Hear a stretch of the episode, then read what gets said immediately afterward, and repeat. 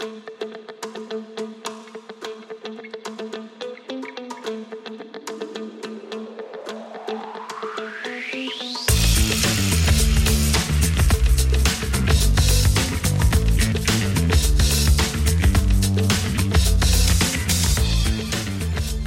och häpna, det är dags för kompilator igen. Och idag ska vi prata med Anna Leijon, den svenska frilansdrottningen. Välkommen!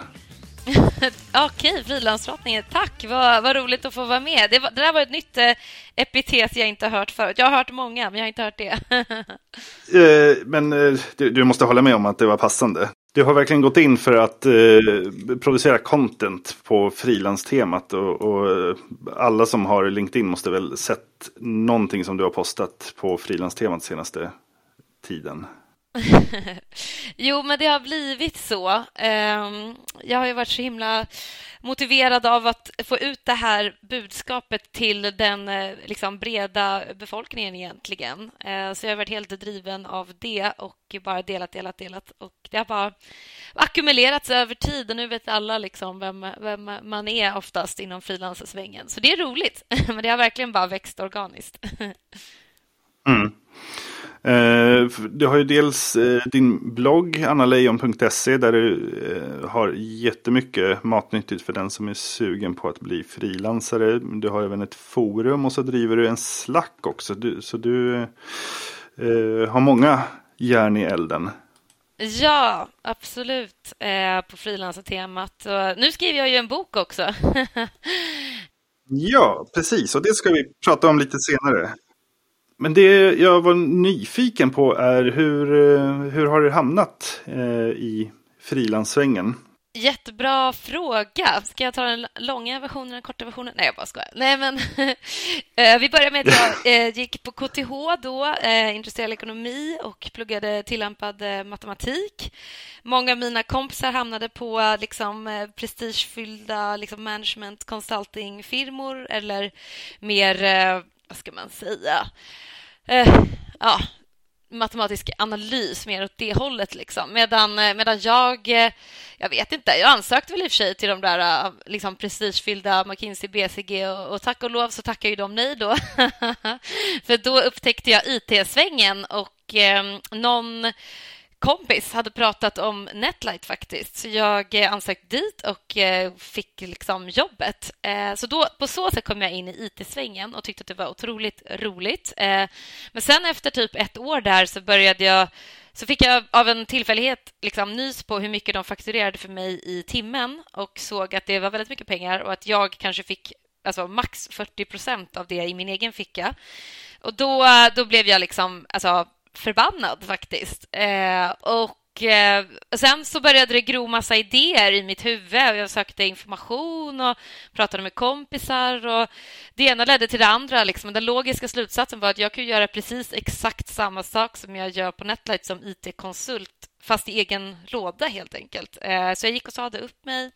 Eller först fick jag faktiskt kontakt med en mäklare och fick ett uppdrag och sen sade jag upp mig. Så jag hade tur att jag liksom fick det kan ju vara lite av ett kritiskt moment annars. Men jag hade ganska tur där eh, och fick ett uppdrag och avslutade mitt uppdrag på Netlight och hoppade på ett nytt uppdrag liksom, via mig själv och via mäklaren. Eh, så det är verkligen på den vägen mm. och det gick supersmidigt. När var det här i tid på ett ungefär? Det här var fyra år sedan, ganska exakt faktiskt. Eh, jag tror mm. jag började, jag började liksom processen vid den här tiden och hoppade på mitt nya uppdrag via min egna firma alltså efter årsskiftet 2018-2019. Eh, så det här var verkligen fyra år sedan. Jag känner igen eh, den, eh, den övergripande eh, tematiken i, i det här. Eh, jag hamnade på ett liknande sätt. Eh, det handlade också om pengar. Fast jag var anställd då som projektledare och skulle ta fram en, eh, en eh, tidsuppskattning, en, en, eh, budget egentligen. Och så skulle jag räkna på, på det från två håll. Vad skulle det kosta att anställa folk och göra det här och vad skulle det anställa, eh, vad skulle det kosta att ta in konsulter? Och så mm. såg jag diffen mellan eh, vad konsulter tjänar och vad en anställd tjänar. Och då, då var jag borta tre månader senare. det, det, är ganska motiverande att se den där siffran. ja, men verkligen. Ehm, Jag tror jag räknade ut att om man, eh, jag räknade på en månadslön på 50 000 och då var eh, liksom kostnaden för arbetsgivaren 450 kronor. Mm. Och utan att eh, anstränga sig jättemycket så kan man få ett eh, uppdrag i Stockholm som ger dubbla det ungefär. Ja, ja, ja. Verkligen. Och så får man ju allting i egen ficka istället för i företagets ficka som man inte har tillgång till eller möjlighet att påverka överhuvudtaget oftast. Mm, ja, men verkligen. Hur eh, Körde du direkt på aktiebolag eller eh, började du med enskild firma? Nej, men jag eh, körde aktiebolag eh, och den, den här tiden ska ni veta, då kostade det faktiskt 50 000 kronor att starta ett aktiebolag, så det var inte helt billigt. I år, eller nu, det var väl några år sedan som de ändrade till 25 000 eh, i startkapital då, så man måste liksom sätta in på liksom, företagsbanken egentligen för att få komma igång och så måste vara där. Eh, men då på den tiden var det faktiskt 50 000, så det var ganska mycket pengar. Men anledningen var ju helt enkelt att alltså, vid en viss omsättningsgräns som jag tror är på, vilket jag tror fortfarande är ungefär en miljon per år, så makar det most sense rent liksom skattemässigt, skattemässigt optimerande att eh, ha ett AB framför enskild firma. Liksom. Även om det är lite mer jobb kanske, eh, så tänkte jag men vi, vi köper det på en gång. Liksom. För man, det är också det finns ju fördelar med när man ska ta ut pengar ur företaget, ur ett AB jämfört med enskild firma, med utdelning och så vidare. Så jag gjorde ju helt enkelt research kring det här. Eh, som, som jag har lagt ut på min hemsida för den som är intresserad, så slipper ni göra den researchen själv. Men, eh, men det var ju det man behövde göra på, på den här tiden, när, när det liksom inte, ingen hade riktigt skrivit om det redan, så då fick man ju jämf göra jämförelsen själv. Så jag landade i ett AB eh, och är nöjd med det beslutet. Jag tror att jag hade, om jag hade startat med enskild firma, eller man kan ju till och med ha handelsbolag och alla möjliga spännande varianter, eller så här cool company, jag vet inte, det finns massa liksom, fakturera via tredje part, du vet, upplägg. Eh, men jag hade verkligen eh, alltså bytt över till AB vid första möjlighet eh, ändå, tror jag. Så jag är jättenöjd med det beslutet.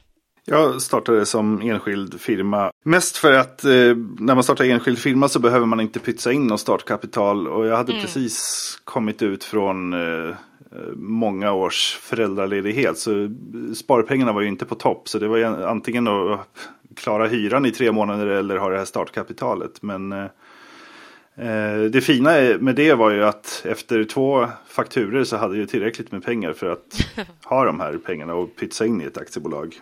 Det blev, det blev lite meck med, med att gå över från enskild firma. För eh, ni som tänker göra det här ska veta att det, det, finns ingenting som heter omvandla enskild firma till aktiebolag. Utan då får man lägga ner den enskilda firman och starta upp ett aktiebolag. Så det är liksom, de är helt orelaterade till varandra. Mm, lite rörigt. Lite rörigt. Jag ser här på din, eh, på din sida att eh, du har mer än ett aktiebolag. Ja, nej men det som är så himla fantastiskt med frilans eh, och vilket liksom jag kanske inte riktigt visste eller förstod liksom vidden av när jag gav mig in i det här, det är ju att det finns sådana liksom fantastiska möjligheter med att starta, satsa och starta upp egna projekt, företag, produkter, bygga saker liksom, eh, vid sidan av som man inte har som anställd men som de här möjligheterna öppnas upp när man är egen då.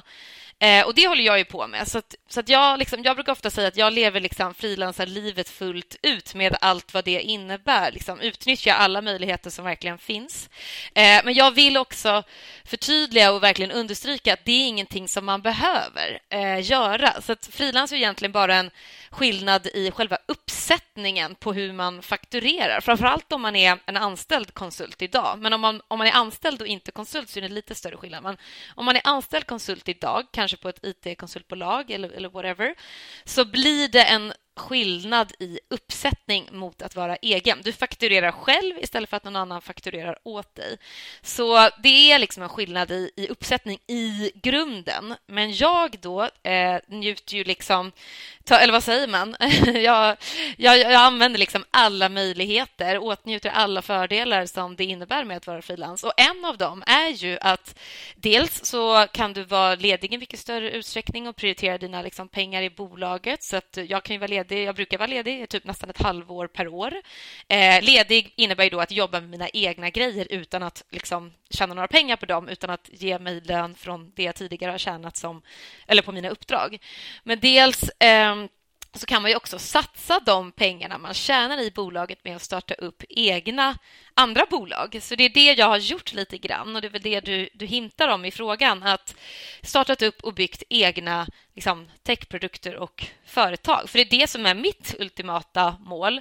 Återigen, ingenting som alla behöver eftersträva. Man kan vilja bara liksom tjäna mer pengar och bli frilans. Men om man också vill ha lite entreprenörskapsambitioner så är frilans också ett jättebra alternativ eh, till att vara anställd.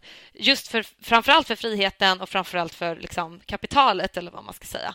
Eh, det finns andra fördelar också, men de är väl de främsta. Så det, det, det håller jag på med också. Berätta, vad, vad, vad, är det för produkter du jobbar med?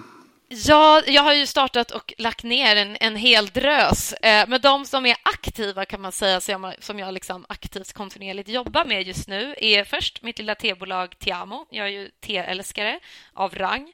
Jag tycker att vi tedrickare blir lite diskriminerade emellanåt för det är så jäkla dåligt te överallt. Så jag slog liksom, vad säger man, tog saken i egna händer och startade ett eget tebolag och förser Sverige med jävligt goda teer helt enkelt. Eh, det är framför allt en teprenumeration som man kan signa upp sig på och få varje månad. Liksom. Så det är ett av mina bolag, tiamo.se.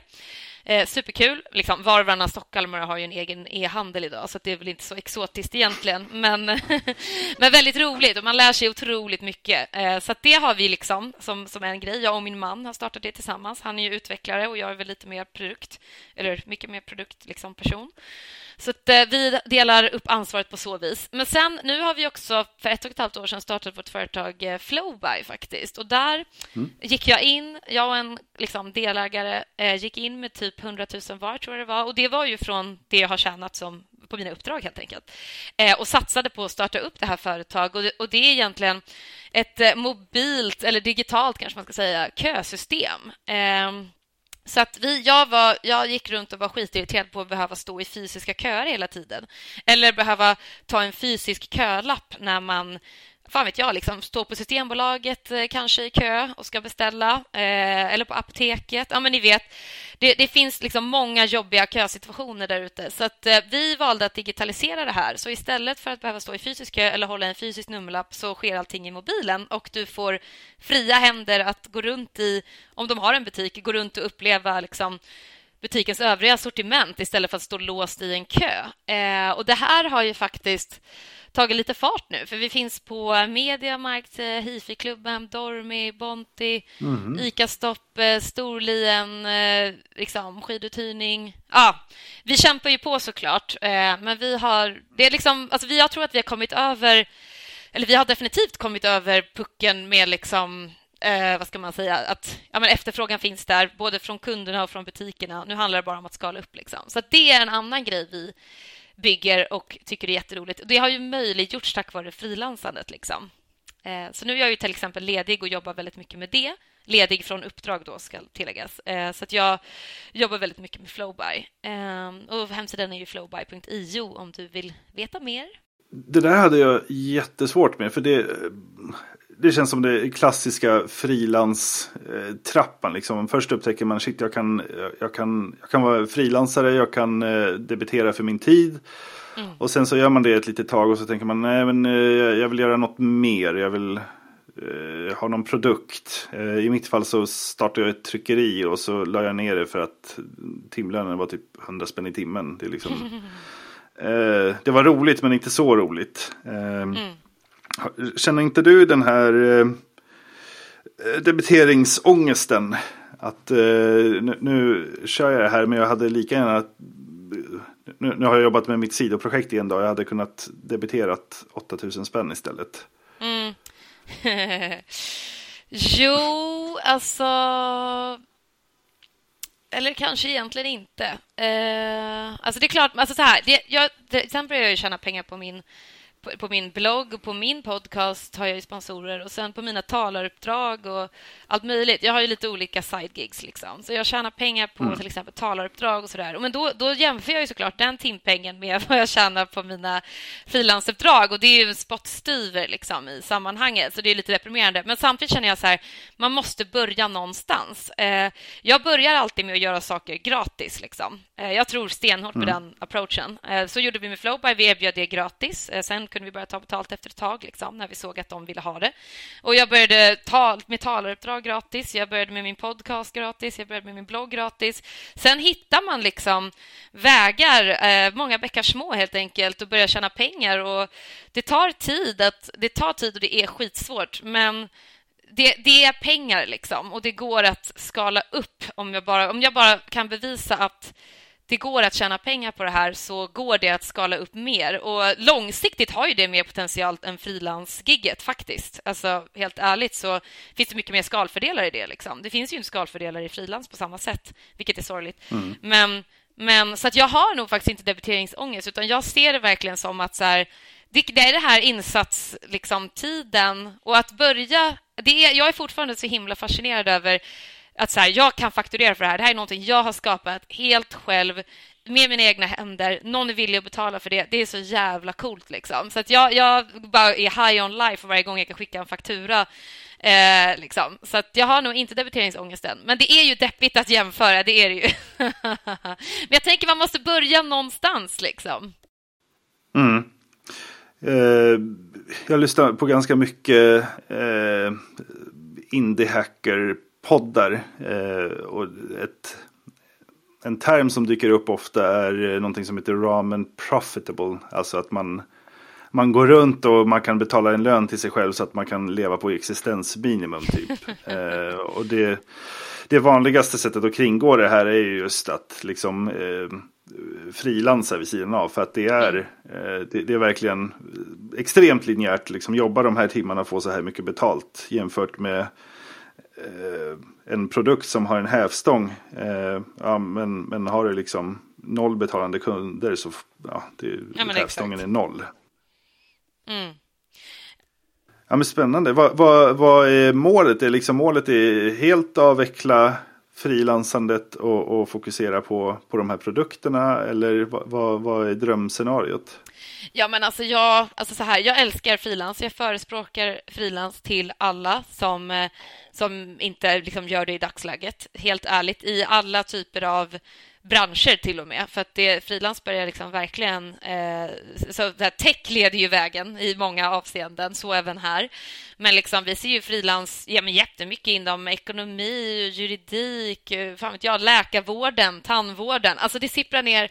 Fan, jag är förvånad om det inte finns på dagis snart. Liksom. Alltså, du vet, så här, det sipprar ner i alla branscher. Så jag tror verkligen att det finns potential. Eh, så att jag förespråkar det jättemycket. Men jag vill också säga att min långsiktiga plan är ju att avveckla frilans. Även om, alltså så här, jag vill inte säga... Alltså för mig, jag har kommit ganska långt med att ha många bäckar små liksom, av intäkter från andra ställen. Och mitt mål är ju att bygga ett produktbolag som är mer skalbart liksom, och kunna pensionera mig hyfsat tidigt och liksom, jobba som filantrop. Nej, bara skojar. Nej, det vet jag inte. Men, men alltså, jag vill skriva böcker, jag håller på med mitt contentskapande. Jag jag är så otroligt mycket mer eh, inspirerad av det och av att bygga egna techprodukter än av att bygga någon annans techprodukter. Alltså sad to say. Men det är där man börjar. Liksom. Frilans är en segway till entreprenörskap och mitt endgame är entreprenörskap.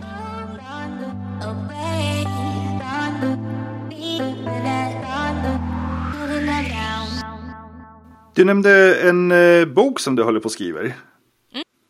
Berätta. Ja, men det är ju en del. Ja, men exakt. Alltså, det är ju en del i eh, många intäkter små. Liksom. Eh, för att det, min hemsida har ju blivit otroligt, otroligt populär. Den växer i storlek från varje år, typ 40 procent, tror jag. Eh, nu börjar till och med liksom, våra nordiska grannar hitta dit. Och, ja, men du vet, och jag börjar tjäna pengar på den på massa sätt. Och eh, jag har en jättepopulär artikel som heter Frilansarguiden. Och den är, jag har tagit fram 17 steg liksom, som eh, gör dig till frilansare på nolltid, helt enkelt. Och många har ju efterfrågat en bok av mina läsare eh, och jag är förvånad över att jag inte har skrivit den än. Men, men nu börjar jag... Nu här eh, om veckan så började jag faktiskt ta in pre-orders eller liksom förbeställningar. Man betalar ingenting nu, men man signar bara upp sig. Jag vill veta lite saker som hur många Liksom, eh, det är många som efterfrågar den på engelska till exempel. Vad är ration mellan engelska och svenska och sådär? Många vill ha den på svenska också såklart. Eh, så att lite sånt. Och jag vill såklart ta tempen på marknaden och se hur många det är. För att man kan ju använda print on the demand-upplägget men man får ju mycket bättre marginaler om man köper en, en batch. Liksom. Eh, så jag tittar lite mer på det. Eh, så baserat på och sen eh, hur bråttom det blir. Liksom. Ja, min tid är ju begränsad tyvärr. Så om det är jättemånga som gör förbeställningar då kommer jag ju fokusera mer på att få ut boken. Eh, men om det är lite färre så får det ta lite längre tid. Jag lovar ju ingenting liksom, i när den ska släppas. Men jag hoppas ju tidigt nästa år. Eh, och den, nej men den baseras på en av mina mest populära artiklar fast med utökat material, uppdaterat material, eh, mer interaktivt material och så där. Så det, det, är ju liksom Frilansarguiden 2.0 eh, och jag tror att man kan nå en helt annan målgrupp med en bok. Så det är ju liksom det också att att eh, ja, men jag, jag, tror liksom att eh, det här, det här blir en större grej. Det här blir ju min liksom, inträdesbiljett på mediascenen. Liksom, nu kanske lite techjournalister får mer upp ögonen för mig. Jag har ju varit en liten indiebloggare så länge. Liksom. Ingen orkar bry sig om lilla mig, då, förutom de som vill bli frilansare. Men nu måste jag liksom... Nästa steg är att etablera mig som en större profil en allmän profil inom, inom, det här, eh, inom den här nischen. Och det gör man ju genom att skriva en bok. Liksom. Det, så gör ju många mm. andra som vill etablera ett namn inom en nisch. Så att det är verkligen det som är min strategiska väg här. Och sen såklart tjäna pengar. det finns alltid en liten slant at the end of the rainbow. Liksom. Mm böcker känns som ett tveeggat svärd. Det är många som säger att det, man tjänar inga pengar på böcker men det är världens eh, säljkanal för ens mm. andra tjänster. Medan andra, eh, som den här, vad den heter, Refactoring UI, eh, som eh, Tailwind-skaparen eh, skrev. Mm. Eh, det är ju liksom det är en pdf på, på 100 sidor och första veckan när han släppte den så drog de in hundratusentals dollar. Eh, så det liksom finns båda. Vad sålde de den för? Eh, jag tror de hade två nivåer, en typ så här 79 dollar för pdf-en och 149 för pdf-en plus massa runt omkring material. Mm. Ja, men exakt. Nej, men jag, alltså så här, jag, men grejen är, jag kommer ju göra allting själv. Så jag har ju tusen gånger bättre marginal än någon som använder ett bokförlag.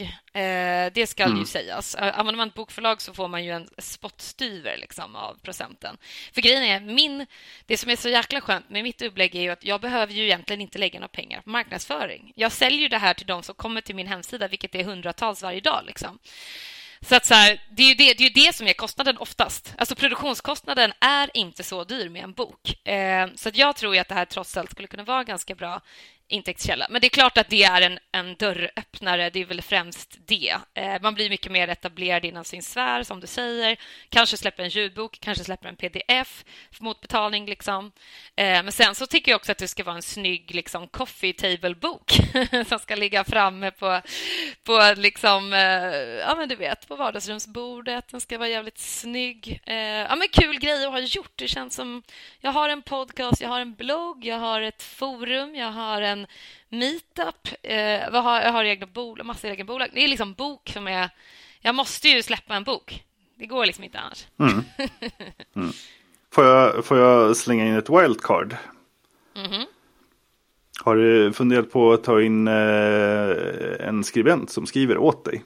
Ja, alltså, eller nej, det har jag inte gjort alls. Men varför skulle jag göra det? Jag älskar ju att skriva eh, och jag tror att jag ja. är rätt bra på det. Jag brukar få feedback liksom om att jag skriver väldigt bra. Eh, och mm. jag, jag, tycker också, jag tycker att jag blir befläckad av så kallade experter inom de här ämnena. Jag tror ju att jag, man får en genuin touch liksom, av att läsa mm. mitt skrivna ord som folk liksom uppenbarligen efterfrågar jämfört med om jag skulle ta in någon liksom, proffs på det här som gör det by the book. Och jag vet inte, jag tycker inte det känns lika genuint. Eh, det skulle såklart spara en massa tid, eh, men skulle kosta mer. För jag tänkte, det är kanske inte en klockren jämförelse, men jag tänkte på samma sak när jag startade min podcast, att jag måste redigera min podcast själv. För att då, då, eh, då kommer eh, min, eh, mina intentioner skina igenom. Mm. Men jag, jag, säger inte att du ska ta in någon som skriver hela boken, men däremot så kan man ta in en, eh, någon som eh, jag har nämligen jobbat med, med, med contentskrivare och eh, man får absolut styra dem väldigt mycket. Men det, det, går att få väldigt bra resultat. Och återigen den här hävstångseffekten av att ta mm. sitt, sina frilanspengar och, och betala någon som, som inte tar. Man får liksom en 2 till 1 mm. utväxling på, eh, sin jag fattar. Tid. Så det var, det var den eh, idé som jag slänger in där. Ja, men det här med att klippa. Jag, jag klipper ju min egna podcast som du nämnde och det är ju svinjobbigt, tar så jävla mycket tid. Jag får typ panik. Eh, transkriberar den också. Så att det skulle jag egentligen gärna outsourca. Om du har några bra tips på hyfsat billig liksom, eh, eh klippare, det, det skulle verkligen underlätta för mitt liv. eh, men, eh, men just eh, skriva bok, det tror jag jag vill göra själv faktiskt. Mm. Det kan jag absolut förstå. Det är eh, i brist på bättre ord, mer intimt när man skriver kan jag tycka mm. jämfört med, eh, med klippning. Ja, gud. Förlåt, men det är väl inte så mycket hantverk i det. Alltså okej, nu kanske jag ska inte vara den som är den, men jag känner att jag är så här, ja, jag, jag liksom klipper bort pauser, jag klipper bort liksom, när man säger fel. Alltså jag, du vet, det kan väl vem som helst göra egentligen. Eh, mm. Tänker jag, men det finns säkert folk som tycker att det, det är ett, ett artwork, jag vet inte. Eh, jag har haft två klippare och jag kan säga att det är eh, inte natt och dag men, men eh, morgon och skymning. Så det, det är en stor skillnad. Ja, kanske ska gå den vägen.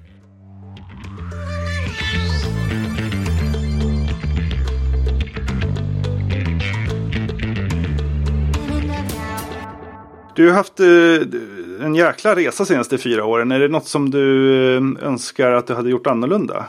Ja, men det är en jättebra fråga. Ehm, en grej där i början eh, för alla de som vill bli frilansare. Jag gjorde lite av ett misstag och gick och trodde att jag liksom skulle ha en mäklare, eh, alltså en konsultmäklare då, som hjälper mig att hitta uppdrag. Men jag har ju lärt mig nu då på senare dag eller av erfarenhet att man kan ju lika gärna ha fler eller höra av sig till fler, jobba parallellt. Eh, på så sätt kan man ju också liksom bli exponerad för fler uppdrag, eh, driva ner priset, alltså deras marginal då, och höja sitt eget pris såklart, eh, och så vidare. Men så det var lite av ett misstag jag gjorde i början. Jag gick ju och trodde att jag skulle ha en mäklare, så jag gick, gick och väntade lite på... Och jag trodde också att jag skulle behöva äta lunch med den här mäklaren, så jag så här, bokade in en lunch med mäklaren och han hade typ aldrig tid. Så, här, så det tog liksom onödigt lång tid för mig att komma igång. Eh, av den anledningen att jag, jag liksom trodde att det var en större process än vad det var att skaffa en mäklare.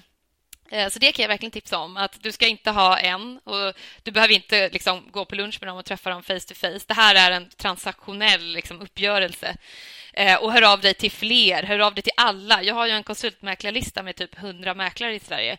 Skicka ditt CV till alla dem. Liksom. Eh, och så kommer du få förmodligen Alltså, de har ju också olika kunder, olika uppdrag, olika ramavtal.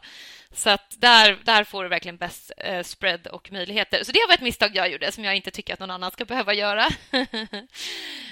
um, och sen så... Nej, men jag vet inte. Första året... Jag är ju lite av en så trial and error-person och ganska riskbenägen. Liksom. Så jag hade väl inte så stenkoll på hela bokföringsbiten. Jag gör all bokföring själv idag. Uh, men det, alltså så här, det finns en hel del undantag första året som aktiebolagsägare eller vad man ska säga. Eh, till exempel med debiterad preliminärskatt och skatt på utdelning och så vidare. De här smällarna de kommer ju året efter. och det är ganska stora smällar. som tur är så hade jag ju eh, såklart en stor buffert som jag hade sparat, för det hade jag ju hört var bra. Eh, minst liksom typ fem... Eh, man, man sparar ihop det ganska snabbt, men så fem månaders buffert kanske med arvode på banken. Eh, för sen kommer det liksom ja, med bolagsskatt skatt, eh, privat har du också skatt på utdelning som du behöver pytsa in ett år efter att du har fått din utdelning. Eh, debiterad preliminärskatt kommer ju också som ett så brev på posten andra året som aktiebolagsägare. Så att, lite sådana här grejer hade jag inte stenkoll på, eh, vilket var lite, lite, av en smäll. Så det kan vara bra eh, om du framförallt om du ska göra din bokföring själv, det vill säga. Det behöver du inte göra om du inte vill. Så det här är lite mer så praktiska grejer som jag skulle liksom tipsa om till folk som vill bli egna.